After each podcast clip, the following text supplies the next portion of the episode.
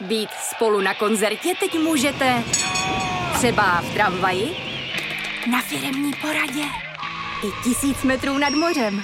Jsme tu, abyste mohli být mezi svými kdekoliv. Tak zůstaňte ve spojení díky datům na naší nejrychlejší mobilní síti v Česku. T-Mobile.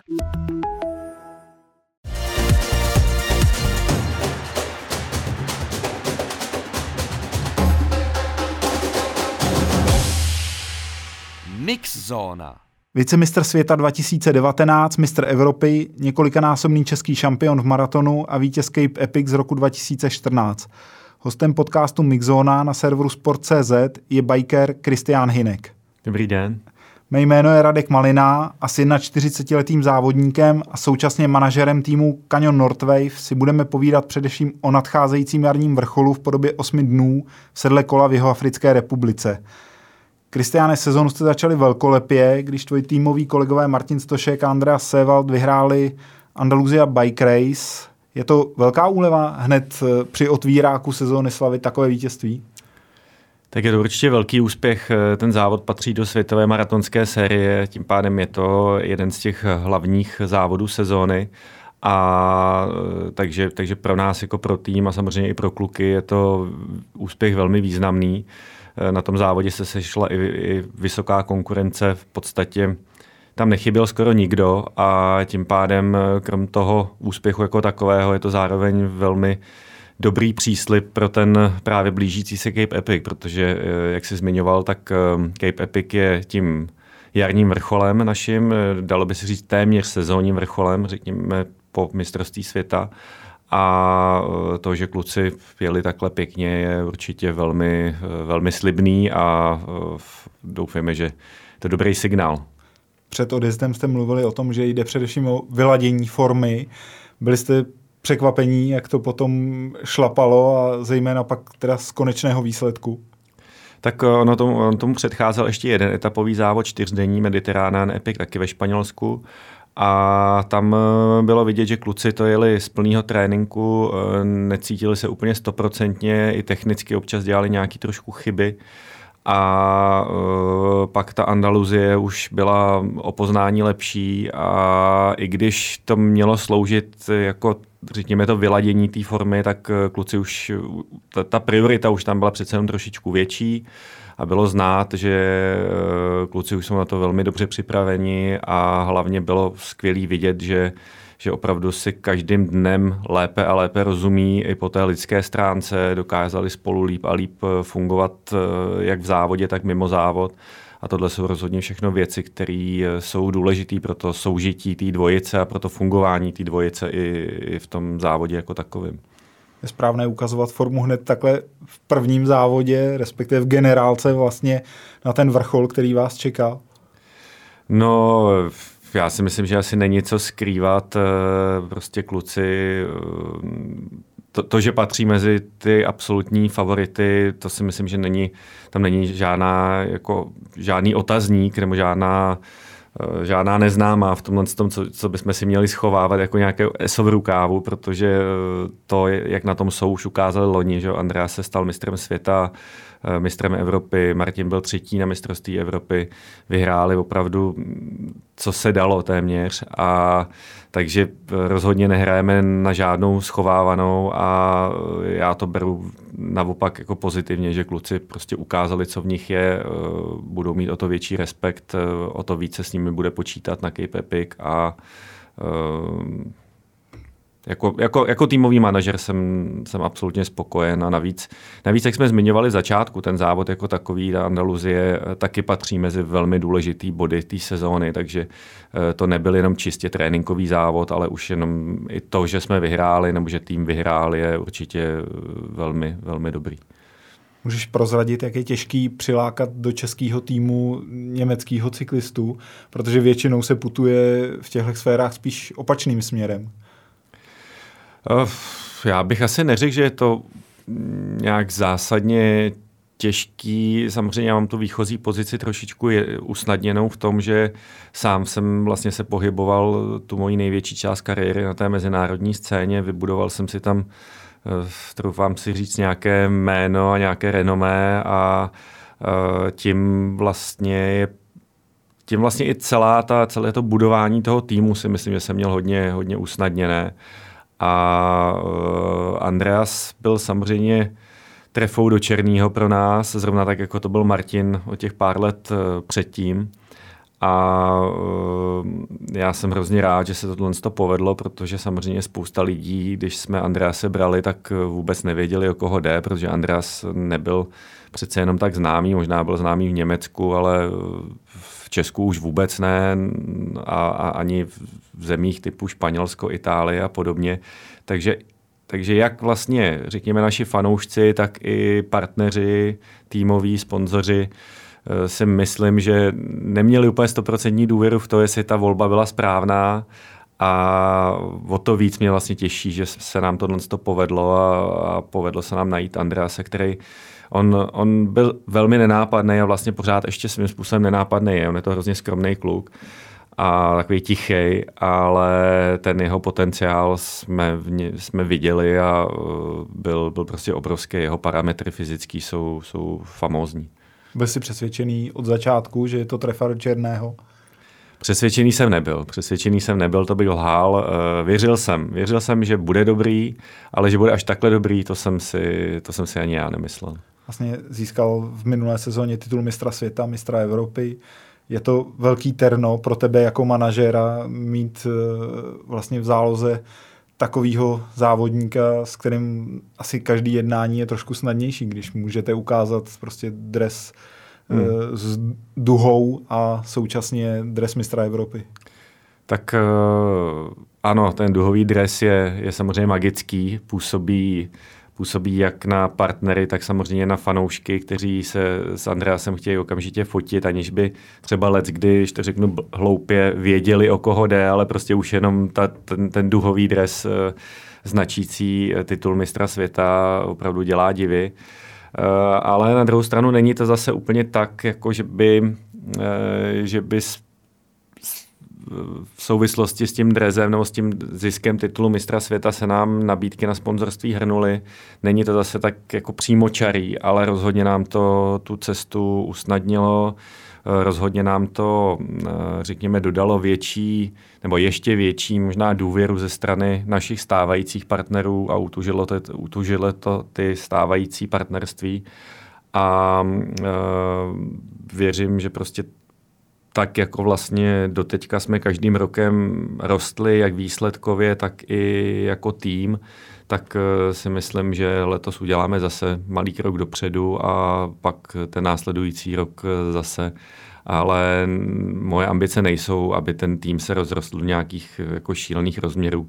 Já si myslím, že úplně ideální je stav čtyři, maximálně pět závodníků, tak aby jsme byli schopni stavit vždycky dvě dvojice na ty, na ty stěžejní etapové závody a to je, tak, eh, to je tak ta hranice, kam bych chtěl jít. Nechci stavět tým, který by eh, přerostl nějak vlastně vůbec eh, naše nějaký jako možnosti ten tým vnímat, kontrolovat a to, aby ten, nerad bych, aby se z toho týmu vytratila ta rodinná atmosféra, která tam teď je a která si myslím, že je jedním možná z klíčů nebo, nebo řekněme jedním z bodů nebo důvodů, proč ten tým tak funguje a já bych hrozně rád, aby tohle v tom týmu zůstalo, aby jsme si věřili, aby jsme spolu navzájem komunikovali, aby jsme eh, byli kamarádi a aby, aby ten tým prostě byl opravdu tým. Před tou letošní sezónou se vám podařilo zlákat jedno velké jméno Petra Vakoče, který jezdil řadu let Quickstepu, teď eh, poslední sezóny pro něj byl lídrem Matěje van der Poel. Jak se rodí spolupráce eh, s cyklistou, který osenuje vlastně na silnici a oznámí konec kariéry a přejde na bajkovou scénu a netají se těmi nejvyššími ambicemi?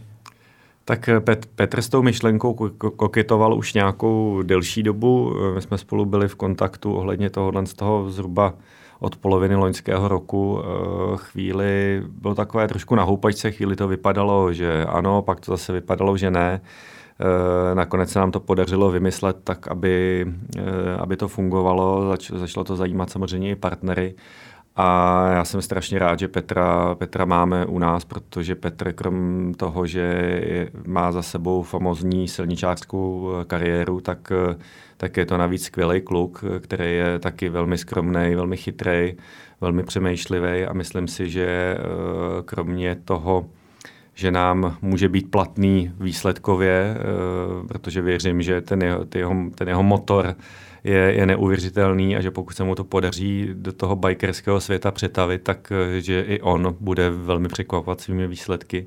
Tak eh, si myslím, že i druhý jeho přínos je ten, že má obrovské zkušenosti z trošku jiného světa té cyklistiky a věřím, že si dokážeme že i my jako tým se dokážeme díky tomu posunout, protože dokážeme si vzít věci, které se třeba můžou hodit nám do, toho, do těch etapových závodů na těch bajkách a uh, jsem přesvědčen o tom, že to, že to bude mít, že to bude určitě přínos a velmi se na to těším. Kromě toho teda se velmi těším já osobně na to, uh, jak s Petrem budeme závodit. Petr přiznával, že vlastně to definitivní rozhodnutí padlo během Tour de France takže argumentoval si tím, že když zvládne eh, tři týdny eh, na nejtěžším eh, silničním závodě, tak týden na bajku bude hračka?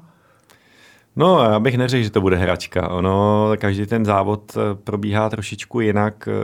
Teď zase, aniž bych chtěl nějakým způsobem zlehčovat tři týdny na Tour de France, protože je to jednoznačně uh, strašně těžký závod, možná nejtěžší závod na světě ale přece jenom ta, eh, ta intenzita toho závodění je tam trošku jiná. To není tak, že by tři týdny v kuse eh, ty kluci jeli prostě od startu až do cíle naplno. V tomhle tom eh, ty bajkové etapáky jsou malinko jiný, tam je, ta, tam je člověk, nebo ta dvojice je trošku víc sama za sebe, nemá žádný další podpůrný tým v podobě několika dalších jezdců. Eh, nemá svoje dané úkoly, že by jeden den měli vyhrát, druhý den by mohli jet, mohli jet eh, volně, nebo by byla rovinatá etapa, takzvaně jenom přesunovací. Eh, na tom Cape Epicu se de facto až na výjimky, tak se jede opravdu každý den od startu až do cíle a ta intenzita je velmi vysoká. Takže ač je to jenom týden oproti třem týdnům Tour de France, tak je to opravdu hodně, hodně intenzivní týden, který je navíc samozřejmě nebo ta, ta náročnost je navíc uh, umocněna těmi podmínkami, tím terénem, uh, spalujícím vedrem uh, a de facto i trochu stresem, protože tam velmi často dochází k různým řekněme, nominačním momentům do terénu, že je důležité, aby člověk byl první, nebo pokud možno mezi prvními v single tracku a podobně.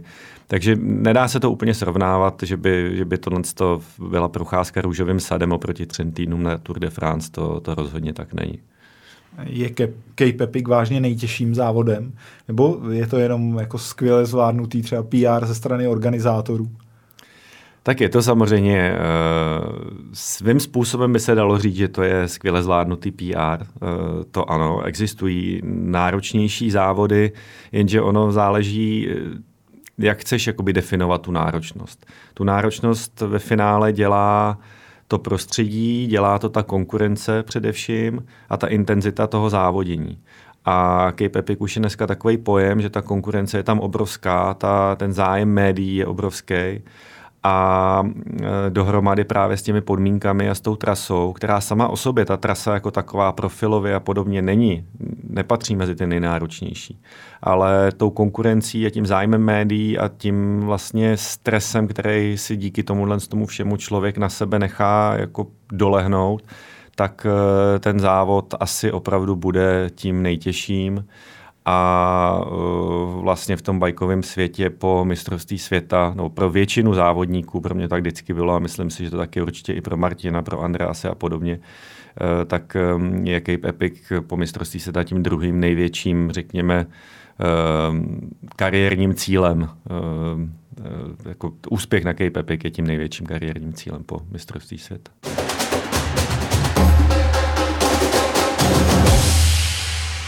Nepřesahuje právě třeba tou konkurencí, kdy se často do Jihoafrické republiky sjedou i kluci ze silniční cyklistiky už mistrovství světa, protože za poslední dvě, tři sezóny byť teda zrovna ta předposlední byla poznamenaná pandemí, ale tak spíš za poslední dva, tři hmm. ročníky mi přišlo, že z hlediska sledovanosti a pozornosti byl Cape Epic vejš než mistrovství světa. No, z hlediska sledovanosti a pozornosti m, mm, asi s tebou budu souhlasit, protože m, mm, Cape Epic je prostě naprosto výjimečný tím, že má velmi, velmi dobře zmáknutou um, celou tu mediální stránku toho závodu. To znamená, jak sociální sítě samozřejmě, tak, uh, tak uh, pokrytí, streamy, uh, přímý přenosy ve světových televizích a podobně. Takže po této stránce je ten závod samozřejmě nedostižným ale z hlediska té konkurence jako takové, tak to mistrovství světa je pořád, pořád větší. Nesmíš taky zapomenout, nebo nesmíme zapomenout taky na to, že Epic se jede ve dvojicích, tím pádem se ti na jednu stranu se ti vlastně jakoby půlí ta konkurence, protože vždycky, ať chceš nebo ne, tak vždycky jeden z té dvojice je malinko slabší než ten druhý. A ten silnější samozřejmě může jet jenom tak rychle, co mu dovolí ten slabší. Takže eh, tím se vlastně ta konkurence malinko štěpí. Na druhou stranu eh, tím, že jsou, je ten tým složen ze dvou lidí, tak se ti eh, násobí veškerá rizika, která jsou s tím spojená. To znamená, násobí se ti zdravotní riziko, násobí se ti riziko defektu, eh, riziko toho, že právě někdo se nebude cítit nebo ne, že nebude mít formu. Takže, takže ty etapové závody těch dvojic mají vlastně díky tomuhle úplně jinou dynamiku než eh, závod jednotlivců. Eh, má to svoje pro, má to svoje proti, ale já si myslím, že je to právě krásný tou svojí tím, tím, jak je to plný, velmi často, jak je to plný zvratů a, a různých jako změn e, situací a pořadí a tak. V tom letošním itineráři jsou etapy, kde třeba nastoupáte 2700 metrů, jsou tam klasicky kameny, prostě na těch cestách je písek, dá se pojmenovat, co je vlastně nejhorší jako na trase, nebo hmm. s ohledem na zkušenosti, který máš a který si tam zažil tak tady právě zrovna říkáš 2700 metrů až, což jako Samozřejmě není to málo, na druhou stranu, jak jsem o tom už, jak už jsem to zmiňoval, tak eh, co se parametrů týče, tak jsou závody jednorázové, které jsou nesrovnatelně těžší. Máš v Dolomitech závody, kdy máš eh, třeba 4000 metrů, mistrovství světa na Elbě bylo dokonce 5000 metrů eh, vejškových. Eh, takže eh, takhle na papíře ten parametr ne, nemusí vypadat až tak eh, děsivě. Ale Nicméně... to 8 dnů v sedle, kdy vlastně je to takřka denně přes 2000 metrů. No, no je, to, je to tak, jednak se to násobí samozřejmě, jak je to několik dní po sobě a za druhý, jak si sám zmiňoval, ty kameny, písek a takové věci, tak ty to dělají ty to, ty to, ty to zhoršují, ty to dělají právě náročnějším, protože ten terén není Eh, jak bych řekl, tak cyklistické terminologie, tak eh, prostě neodvaluje to. Není to, není to že, by, že by to utíkalo. Prostě někdy tam jsou písečný místa, kdy má člověk opravdu pocit, že je to nekonečný, protože to nejede, boří se to a podobně. Takže eh, opravdu ten, ten závod má svoje specifika a je těžký právě tou kombinací toho terénu, toho počasí a i toho, že je tam spousta nástrah v podobě trnů a kamenů a ten závod obecně bývá velmi, eh, velmi defektový. Eh, právě proto je strašně důležitý, aby tým, který chce jet na, na celkový výsledek, tak aby měl svůj takzvaný backup tým. Vlastně často jsou v záběrech vidět i zvířata a mnohdy se zmiňuje i nebezpečí jako zvířat, který úplně člověk nechce potkat. Měl si nějakou takovou zkušenost nebo se ti vyhýbala? Tak zatím se mi vyhýbala. Já teď přemýšlím, kolikrát jsem Cape Epic jel, ale tuším, že šestkrát snad jsem byl na startu a jednou jsem nedokončil, tím pádem bych měl mít pět, pět dokončených Cape Epiců, jestli se nepletu.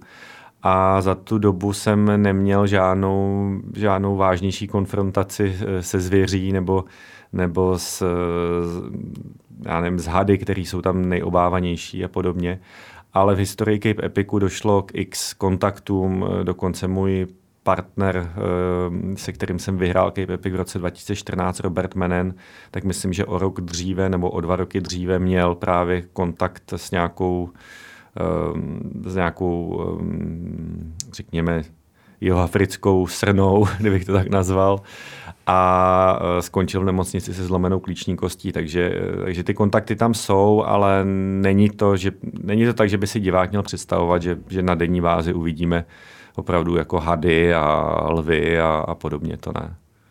Varují vás třeba před tím, nebo dostáváte nějaké poučení, jak se chovat jako v případě takového kontaktu, zejména asi hmm. v případě hadů?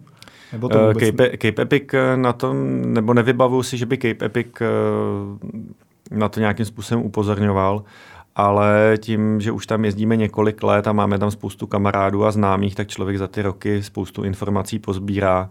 Takže uh, x varování a návodů, jak se zachovat v případě, že potkáme hada, protože tam se pohybují opravdu, teoreticky se tam pohybují opravdu hadi, eh, ty nejjedovatější na světě tak eh, nějaké základní poučení nebo návody ty máme. A jak velkou komplikací nebo jak ještě stěžujícím faktorem je to, že vlastně bydlíte v kemprech, uh, hmm. není to prostě hotelový servis třeba, na který jsou zvyklí závodníci na silnici, anebo i hmm. mnohdy vy třeba při mistrovství světa, kdy vlastně hmm. je to jednorázový závod. Střední potíže loni vyřadili Martina Stoška uh, ze závodu.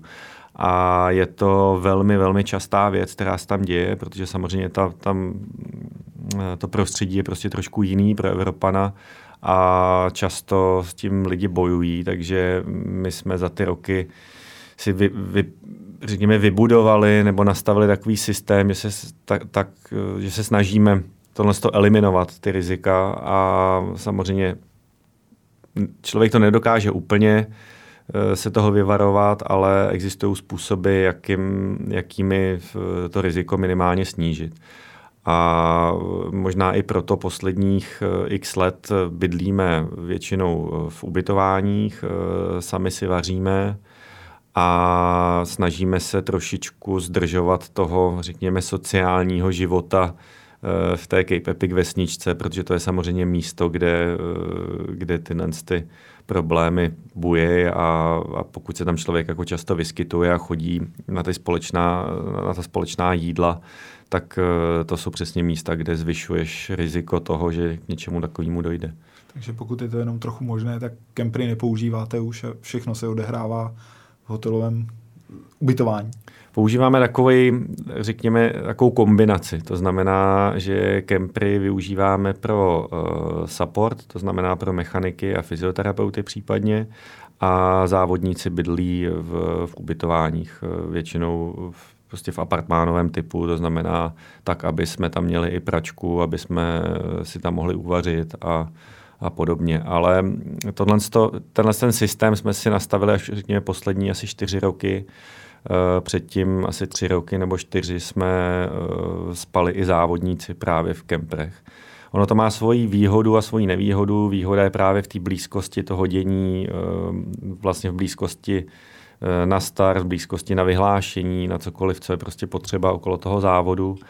Ale, jak už jsem zmiňoval, jsou tam ty rizika s tím spojený a vyhodnotili jsme, že je lepší právě eliminovat tyhle ty rizika a radši třeba eh, obětovat eh, ráno, že musíme o 20 minut dřív vyjet a popojet někam autem, než, než prostě být vystaven tomu případnému riziku nedokončení z důvodu střevních problémů může tenhle krok nebo vlastně tenhle čin přidat pár procent výkonu, který pak rozhodnou v tom závodě, že třeba kdo spí v kempru, že je hmm. tam určitě nějaký vyrušení, protože asi se spí blízko té vesnice, tak eh, hmm. ten klid není takový, jako když jste někde stranou v hotelu a já věřím, že jo, ale na druhou stranu si myslím, že je to velmi individuální věc. Někdo prostě může preferovat eh, spát právě v blízkosti toho závodu a vůbec necestovat.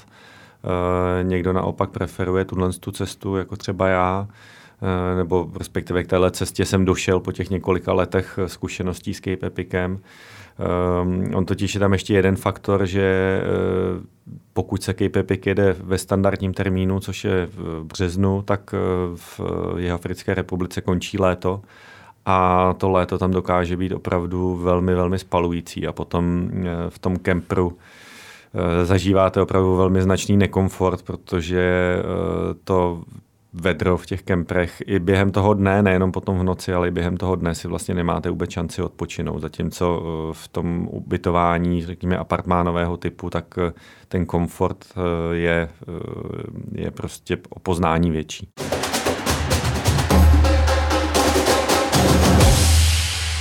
Dokážeš si představit, že tak jako hobíci, kteří jsou na startu, taky by si vlastně absolvoval celou tu trasu, byť samozřejmě ne s tlakem na čas a výsledek, eh, ale prostě, že by si šel ze stanu, odjel 100 kilometrů s takovým přemýšlením hmm. a eh, celý to dokončil.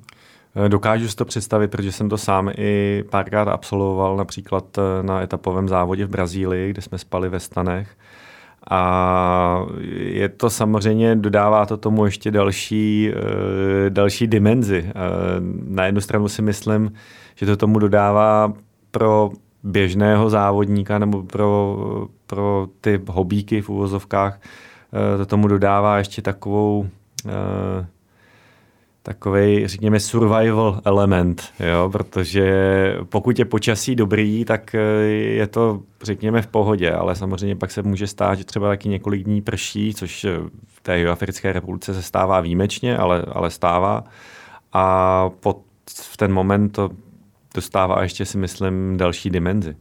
A pravda je, že eh, spousta těch kluků, i holek samozřejmě, um, tu etapu, kterou my jedeme třeba 4 hodiny, tak oni jedou 8 hodin a to, jakým způsobem jsou schopní to absolvovat a z toho stanu uh, vlastně fungovat, je, je lecky odivuhodný, protože musíme si uvědomit, že oni tam nemají často vůbec žádný support, uh, jedou dvojnásobnou, uh, dvojnásobný čas, uh, tím pádem mají o to méně času na to se z toho vlastně dostat, zregenerovat. Takže e, opravdu klobouk dolů. Často t- ten závod e, pro tyhle ty, e, lidi je velmi, velmi těžký a už jenom samotný dokončení opravdu jako zaslouží hluboký obdiv. Oni to asi nejsou úplný hobby cyklisti, protože asi nej, nelze jít na start s tím, že máš v nohách na je to pár tisíc kilometrů, tam asi hmm. je potřeba opravdu systematický trénink, ne? Eh, to určitě, ale myslím si, že je tam spousta lidí, kteří eh, vlastně si jako jediný cíl dají to, že to chtějí dokončit, protože samozřejmě každý, každý v tom startovním pole má, poli má nějaké své prostě osobní ambice, ať už je to porazit kamaráda, nebo být lepší, než, než byl eh, rok předtím, nebo prostě vůbec jenom to dokončit, nebo to dokončit prostě po pátý, po desátý, po patnáctý.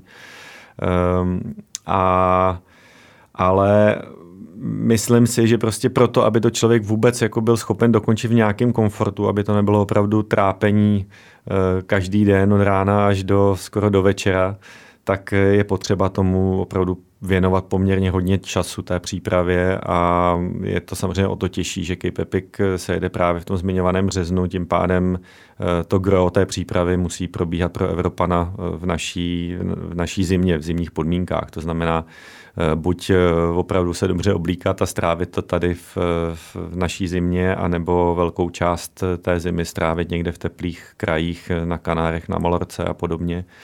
A je určitě potřeba se na to opravdu připravit, ale jsou tam, myslím, i lidi, kteří tu přípravu trošku podcení a jedou tam s tím, že vlastně to chtějí akorát jako opravdu přežít a dokončit a, a, a povede se jim to taky dá se říct, kolik kilometrů máš zkušenost, že je potřeba mít v nohách, aby si si mohl říct, že si na tom samozřejmě z hlediska ambicí profesionála dobře, protože v tuhle dobu máš 4000 kilometrů, si zrovna absolvoval čtyřhodinový trénink tady v mrazu hmm. Eh, kolem Prahy, tak eh, je nějaká hranice, kdy si řekneš, tak je to dobrý, teď už se cítím dobře, nebo to člověk poznáš tam v průběhu těch etap?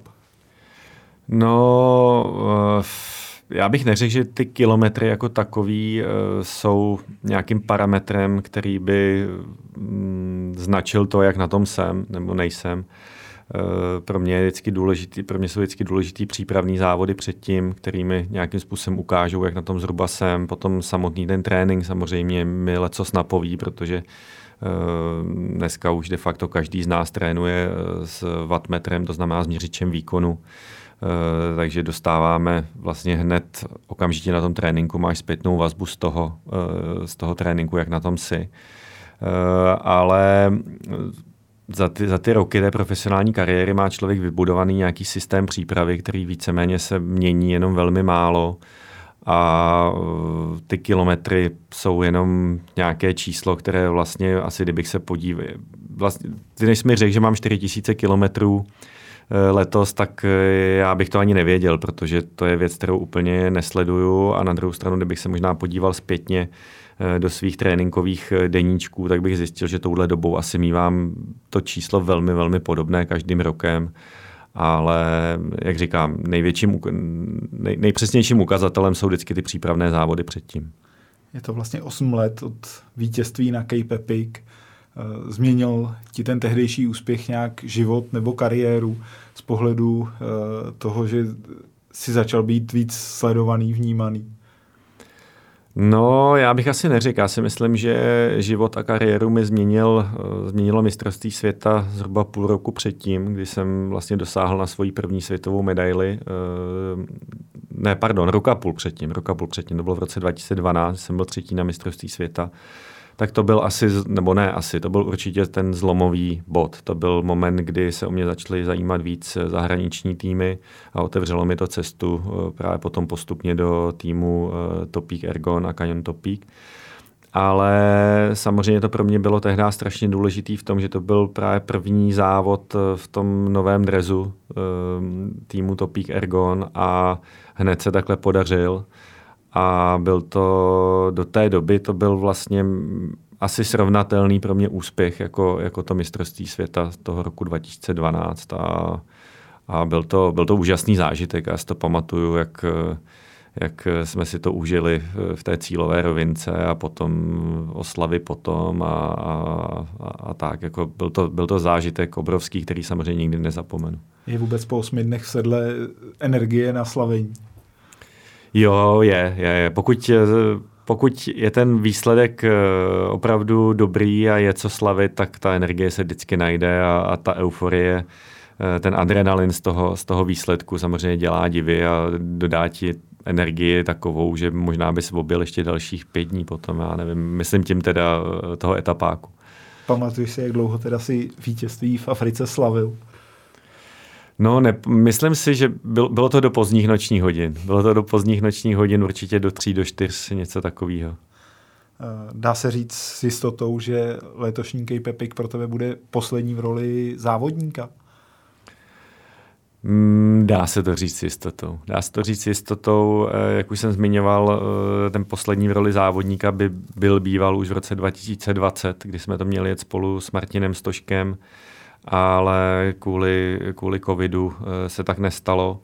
Eh, pak další plán byl loni na podzim, eh, ale tam jsem došel potom k tomu, že by bylo vlastně sobecký z mé strany se ujmout té role toho závodníka po boku Martina a nepustit, nepustit tomu vlastně v tu dobu čerstvého mistra světa Andrease.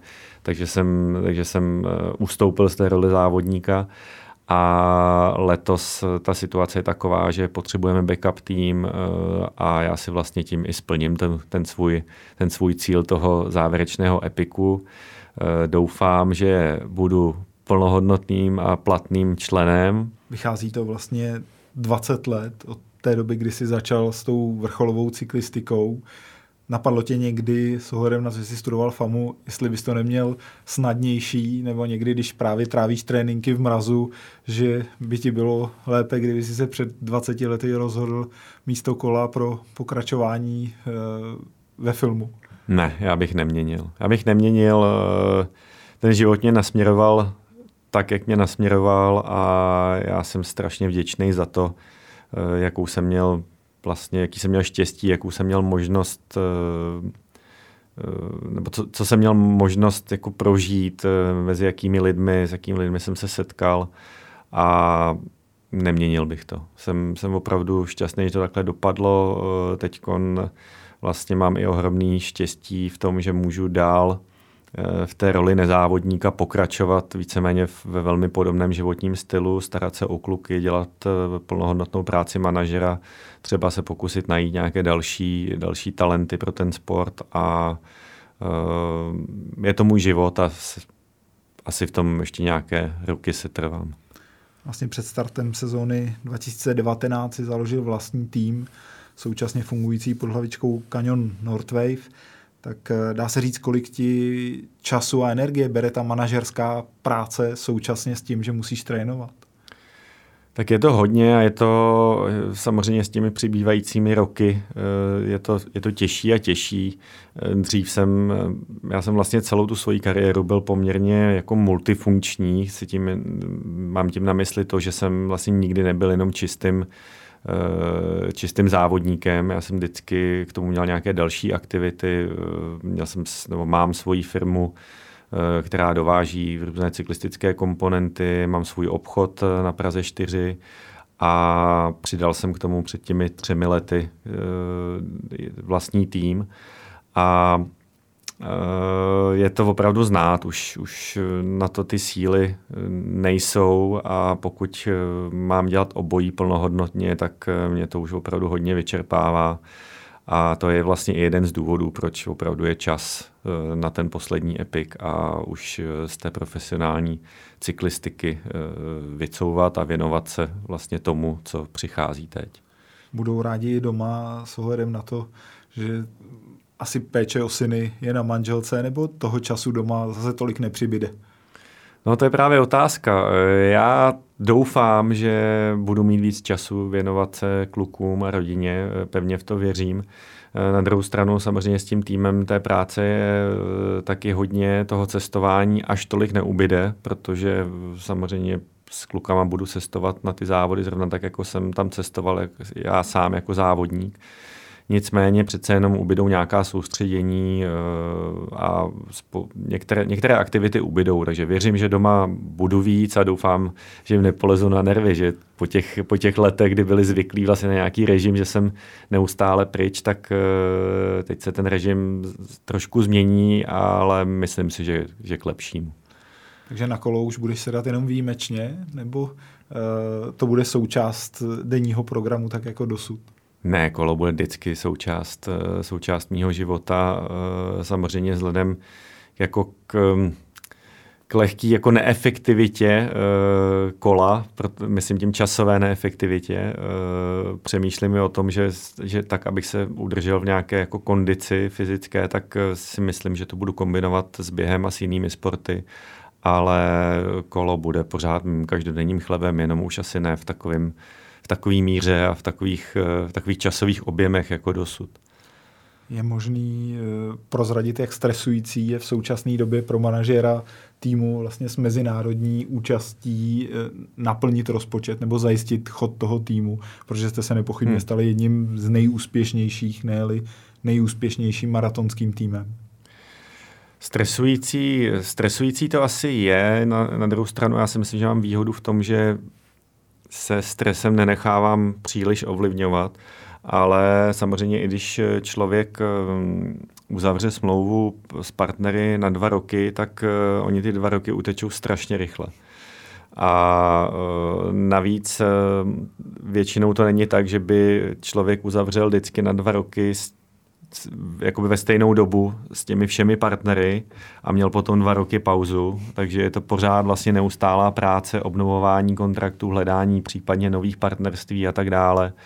Ale musím zaklepat, zatím, zatím se to dařilo, každým rokem se nám daří uh, právě růst uh, vlastně po všech stránkách a Uh, mám zase hroznou výhodu právě toho, že jsem navázal na, na partnerství z té mé vlastní profesionální kariéry a eh, je tam určitá kredibilita a, a velmi jako velká, si myslím, důvěra mezi, mezi mnou nebo námi jako týmem a, a těmi partnery a to je naprosto stěžejní.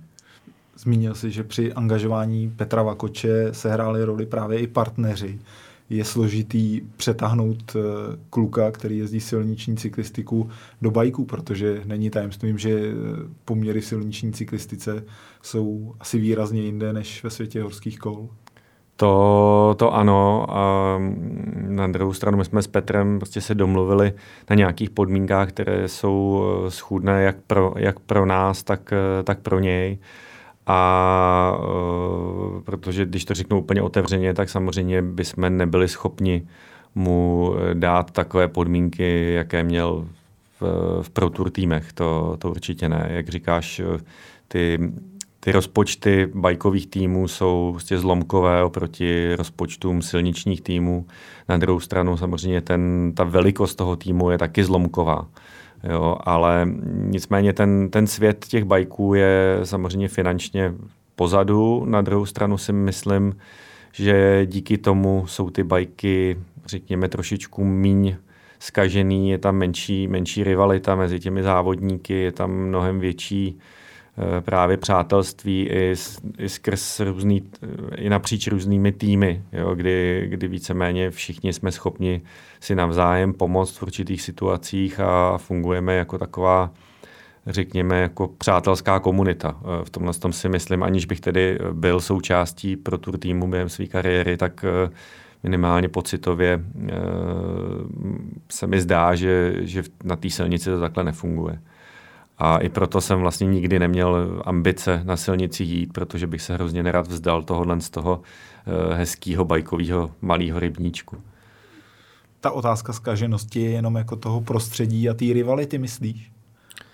No, samozřejmě nevím. Uh, ta otázka té zkaženosti může být právě i v tom, že jsou lidi potom mají větší tendenci, eh, řekněme, sklouznout na tu temnou stranu, když to řeknu diplomaticky.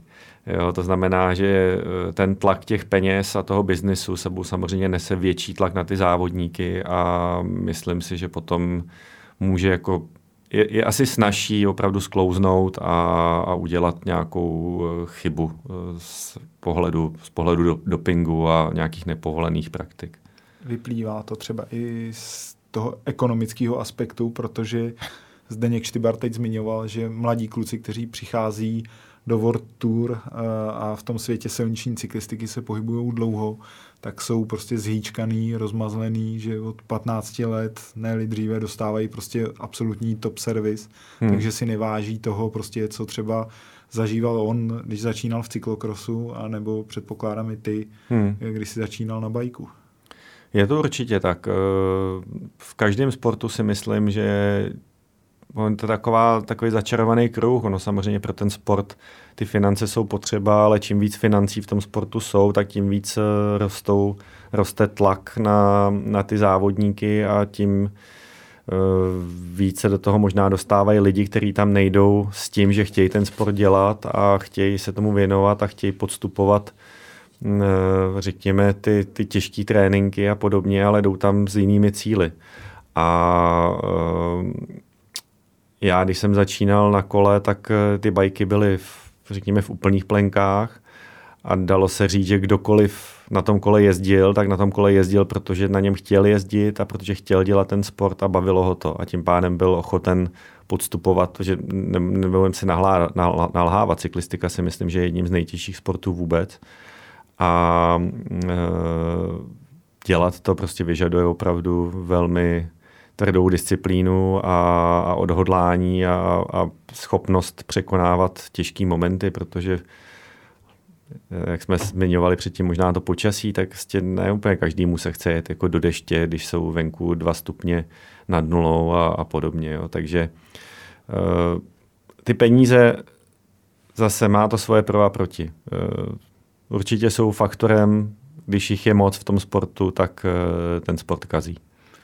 Eh, když jsme zmiňovali, jak důležitý je úspěch týmu na Cape Epic nebo mistrovství světa, vypisuješ klukům teď z pozice manažera nějaký speciální bonus za případný úspěch, nebo uh, se to stanovuje až posléze ex post s tím, že ne, se to podaří? To je samozřejmě věc, která je dopředu daná a prémiový řád každý z kluků má a Cape Epic a mistrovství světa jsou naprosto nedílnou součástí toho prémiového řádu, takže, takže ano. Když jsme zmínili, jak se to třeba změnilo ve světě silniční cyklistiky, změnilo se to i vlastně v případě bajků, protože ty jsi to určitě zažil jednak jako vítěz a teď teda z pozice manažera? Eh, teď myslíš... Že když jsi prostě měl nějaký určitě motivační bonus v roce 2014, hmm. když jsi vyhrál a teď vlastně ty bonusy určuješ jako manažer týmu hmm. Canyon Northwave, tak eh, jak moc se to proměnilo? Hmm, já bych řekl, že se to neproměnilo, tak teď vlastně já jenom uh, těžím z těch zkušeností, které jsem získal jako závodník a myslím si, že právě to, že jsem sám závodil, tak uh, vlastně díky tomu vím, co je pro toho závodníka potřeba, co ho, jakým způsobem, co ho motivuje, co už je třeba zbytečný a podobně a snažím se nějak jako vycházet z těchto z těch zkušeností. A e, ten, ten mechanismus těch odměn e, vlastně zůstal velmi podobný. To znamená, taky já sám jsem měl e, nějaký základ a k tomu jsem měl vypsané prémie a bonusy za, za ty nejdůležitější závody sezóny. Je možný na trase se oprostit od myšlenek na ten první tým. Před tebou bude Martin Stošek s Andreasem Sevaldem bojovat o jednak o etapová prvenství a hlavně o celkový úspěch, tak budeš to mít v hlavě, jak jedou, jestli se jim daří, jestli nemají problém. No já myslím, že ono to většinou uh, trošku pře, přebije to, že uh, pro mě osobně, abych byl platným backup týmem, tak uh, to rozhodně nebude zadarmo. To vím už teď dopředu. To znamená, já budu, mě to bude stát velký úsilí, abych, eh, abych byl prostě v nějakém, v nějakém, řekněme, dostřelu za nimi, to znamená dostřelu v řádu prostě několika minut, aby ten tým vlastně byl vůbec platný. Tak uh, myslím si, že moje myšlenky budou směřovat hlavně tímhle s tím směrem, abych já sám byl tam, kde bych chtěl být nebo kde bych měl být a potom ta starost o to, jak kluci dojeli, dopadli, tak ta samozřejmě většinou je první věc, kterou, která mě zajímá po dojezdu do cíle. A e, vlastně teď, teď je hrozně fajn, že já to zažívám vlastně postupně. Když jsem ten tým založil, tak za začátku jsem měl pocit, že veškerá tíha toho, Eh, toho úspěchu eh, a toho požadavku na výsledek je na mých bedrech, ale postupně, jak eh, vlastně Martin se ukázal jako obrovským talentem de facto hned od začátku, tak jsem začal zjišťovat, že se od tohle z toho můžu trošičku odprostit. A um, ze začátku jsem byl frustrovaný vlastně svým, svým neúspěchem, ale na druhou stranu pak jsem zjistil, dobrý, ale já mám teď strašnou výhodu v tom, že já v, na jedné straně samozřejmě můžu být naštvaný sám na sebe, že se mi to nepodařilo, ale na té druhé straně já jsem měl najednou možnost se radovat z úspěchu toho svého týmového kolegy, z úspěchu toho týmu, který jsme, eh, který jsme vybudovali a eh, to je, to je skvělý. Takže já teď vlastně už víc vlastně uh, zažívám tu euforii a radost eh, z toho výsledku uh, těch, těch kluků v týmu. Umíš si představit okamžik, že bys je viděl na trati před sebou? Že byste je vlastně dojeli, což by znamenalo pro ně velký problém? Uh, problém, ne, nevidím v tom problém. Tam určitě taková situace nastat může, věřím, že i nastane. Uh, Eh, že pojedeme nějakým způsobem pohromadě ve stejné skupině, to je víceméně i žádoucí, takhle, takhle by to mělo být minimálně po nějakou dobu eh, každé té etapy. A to nebude znamenat nic jako špatného, si myslím. Jo. Tam, jak, jak jsem zmiňoval, čím blíž my jim budeme, tím, tím lepší pro jejich eh, sebevědomí v tom smyslu, že budou vědět, že že nemusí přemýšlet o tom, že když budou mít nějaký defekt, že to pro ně může být fatální, protože když my tam budeme, tak, tak jim dokážeme pomoct. Takže takovou situaci si dovedu představit a sám za sebe pro svůj pocit doufám, že taková situace nastane, že, že budu schopen opravdu být takhle na blízku. Myslel jsem to jestli by tě to vyděsilo v okamžiku, kdy oni pojedou o celkové prvenství, tak pak je předpoklad, že zřejmě vy zůstanete trošku vzadu, nebo se s nimi neudržíte celou dobu. Hmm. A tak jestli potom jako tě to vyděsí, protože první asi, co by tě mělo napadnout, jestli někdo mu úplně seklo, anebo hmm. jestli mají hmm. defekt a tím pádem vlastně přišli teda o naději na celkový úspěch. No tak zase já věřím, že to nebude tak, že my bychom jezdili 10-15 minut za nima, eh, což by byl fatální, nebo ne fatální, což by byl samozřejmě problém, eh, kdyby oni se, dejme tomu, dostali až takhle dozadu. A eh, pokud, pokud prostě my budeme za nimi pouze pár minut a k téhle situaci dojde, ale ono k té situaci může dojít i z toho důvodu, že se vepředu prostě zpomalí, protože se taktizuje a podobně, nebo my budeme mít prostě dobrý den, jakože věřím, že ano a, a dokážeme tam s nimi být. Jo, takže... Dobírají si těch kluci hodně uh, z pozice jako manažera, že by uh, říkali, tak dneska pojedeš takhle a my ti ujedem, nebo žádný takový vzájemný nějaký pošťuchování a hecování neprobíhá? Ne, ne, ne, takový, takový pošťuchování zatím neprobíhá. Možná mezi klukama navzájem, že si něco takového říkají, to nevím, ale, ale zatím si nedovolili mě nějak eh, v tomhle tom směru trápit a dobírat si mě. Jak probíhá třeba uh, nějaký případný vyhodnocování po etapě nebo po závodech, kdy ty musíš promluvit jako šéf týmu, tak uh, káráš hodně, i když zatím letos teda nebyl důvod, ale normálně v sezóně. Si... Ne, já rozhodně nejsem typ, eh, který by, který by káral, já spíš se snažím uh, snažím klukům nechat prostor, snažím se jim dát najevo, že když mají zájem a potřebují, takže se s nimi o cokoliv podělím, pokud je to v mých, v mých znalostech a v mých možnostech a uh, snažím se spíš být jejich, řekněme, psychickou, psychickou oporou, poradit jim. Uh, bavíme se často o, o taktice, jak, te, jak té dané etapě třeba přistoupit, uh, jak moc riskovat, neriskovat a podobně. Jsi spíš pro taktický pojetí, anebo radíš riskovat nabírat čas za každou cenu, zkusit prostě odjíždět? To se takhle plošně nedá říct, to strašně záleží na, na daném dnu. Jsou určitě dny, kdy eh, vyhodnotíme, že je potřeba opravdu do toho dát všechno a pak jsou naopak dny, kdy víme, že je potřeba naopak vyčkat, je třeba opatrněji neriskovat a podobně. Co pro tebe bude úspěch v podání Martina Stoška a Andrease Sevalda? Tam se asi nemůžeme bavit o ničem jiném než o pódiovém umístění v celkovém pořadí. E, jako nechci, aby to znělo jako blbě, jako minimum, řekněme, ale s jejich prostě potenciálem eh, já věřím, nebo jsem přesvědčen o tom, že oni jsou největšími, největšími kandidáty na vítězství. Říká Kristián Hinek, dnešní host Mixzony na webu Sport.cz. Děkuji, Kristiáne, že jsi byl naším hostem a doufám, že se uslyšíme třeba po Cape Epic při hodnocení medailového umístění vašeho týmu.